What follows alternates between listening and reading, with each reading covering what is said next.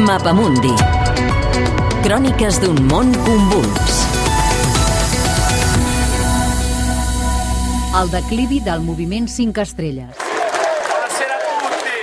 Fa un any i mig, després d'una campanya electoral marcada per una proclamada honestedat i centrada en la lluita contra les desigualtats, la corrupció i les màfies, el moviment 5 estrelles obtenia gairebé 11 milions de vots, el 33% a les dues cambres. Mette nello stesso pentolone tutti gli immigrati. Tres mesos va costar tancar el complicat i singular contracte de govern amb Matteo Salvini i només un mes perquè es produís el sorpasso. A poc a poc, el moviment 5 estrelles ha sigut fagocitat per la Lliga i deixat enrere també pel Partit Democràtic. Què està passant al moviment de Grillo que perd gas cada cop que va a les urnes? Quina és la causa de la pèrdua de confiança dels ciutadans en aquesta fins fa poc nova força política jove i revolucionària? Pel professor Pier Giorgio Corbetta, de l'Institut de Recerca Catàneo de Bologna, els cinc estrelles han entrat en una contradicció inevitable. Un partito, un movimento... Un partit, un moviment que ha construït el que en podríem dir la seva raó social sobre l'antagonisme amb les institucions, en l'antagonisme contra totes les elites, però sobretot les elites polítiques, en el moment que accedeix al govern, esdevé elit política i, per tant, entra en una contradicció molt difícil de resoldre.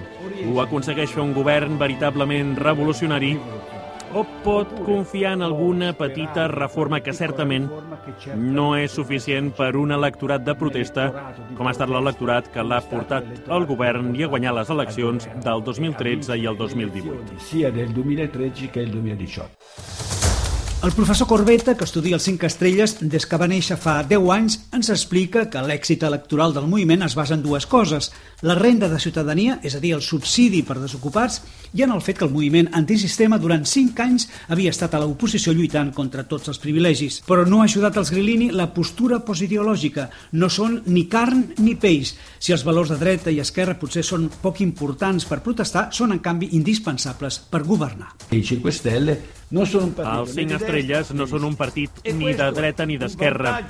I això és un avantatge des del punt de vista electoral, perquè es recullen les protestes proteste de tots, de dretes i esquerres.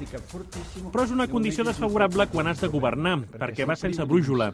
I aquesta falta de brújula ha permès a Di Maio aliar-se primer amb la Lliga i després amb el Partit Democràtic, però sempre amb una situació ideològica precària i amb grans contradiccions internes.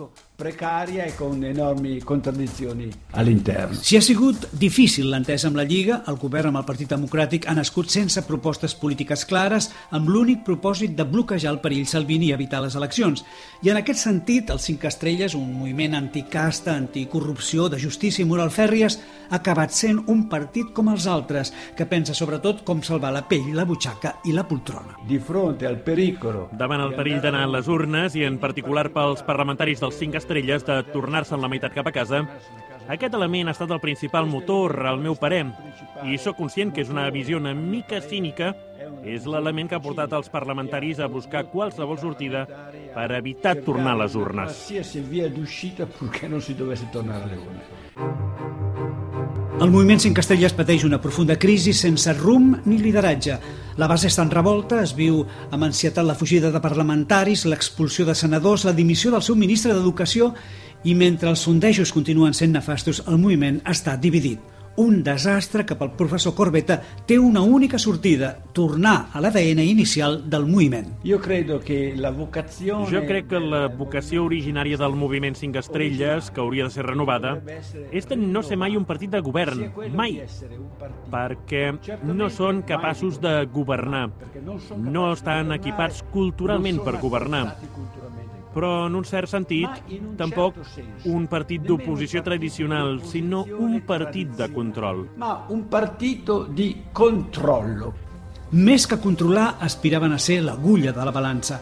No volen acabar sent la roda de recanvi ni de la Lliga de Salvini ni del Partit Democràtic i per això, en una operació de salvament, Grillo i Di Maio pensen convocar el mes de març els estats generals del moviment per intentar regenerar objectius, organització i identitat. Però abans, les eleccions regionals a Emília-Romanya i Calàbria a finals de gener posaran a prova la brillantor dels cinc estrelles i seran també essencials per la sort del govern. És un reportatge d'Eduard Rubió, disponible al podcast del Mapamundi.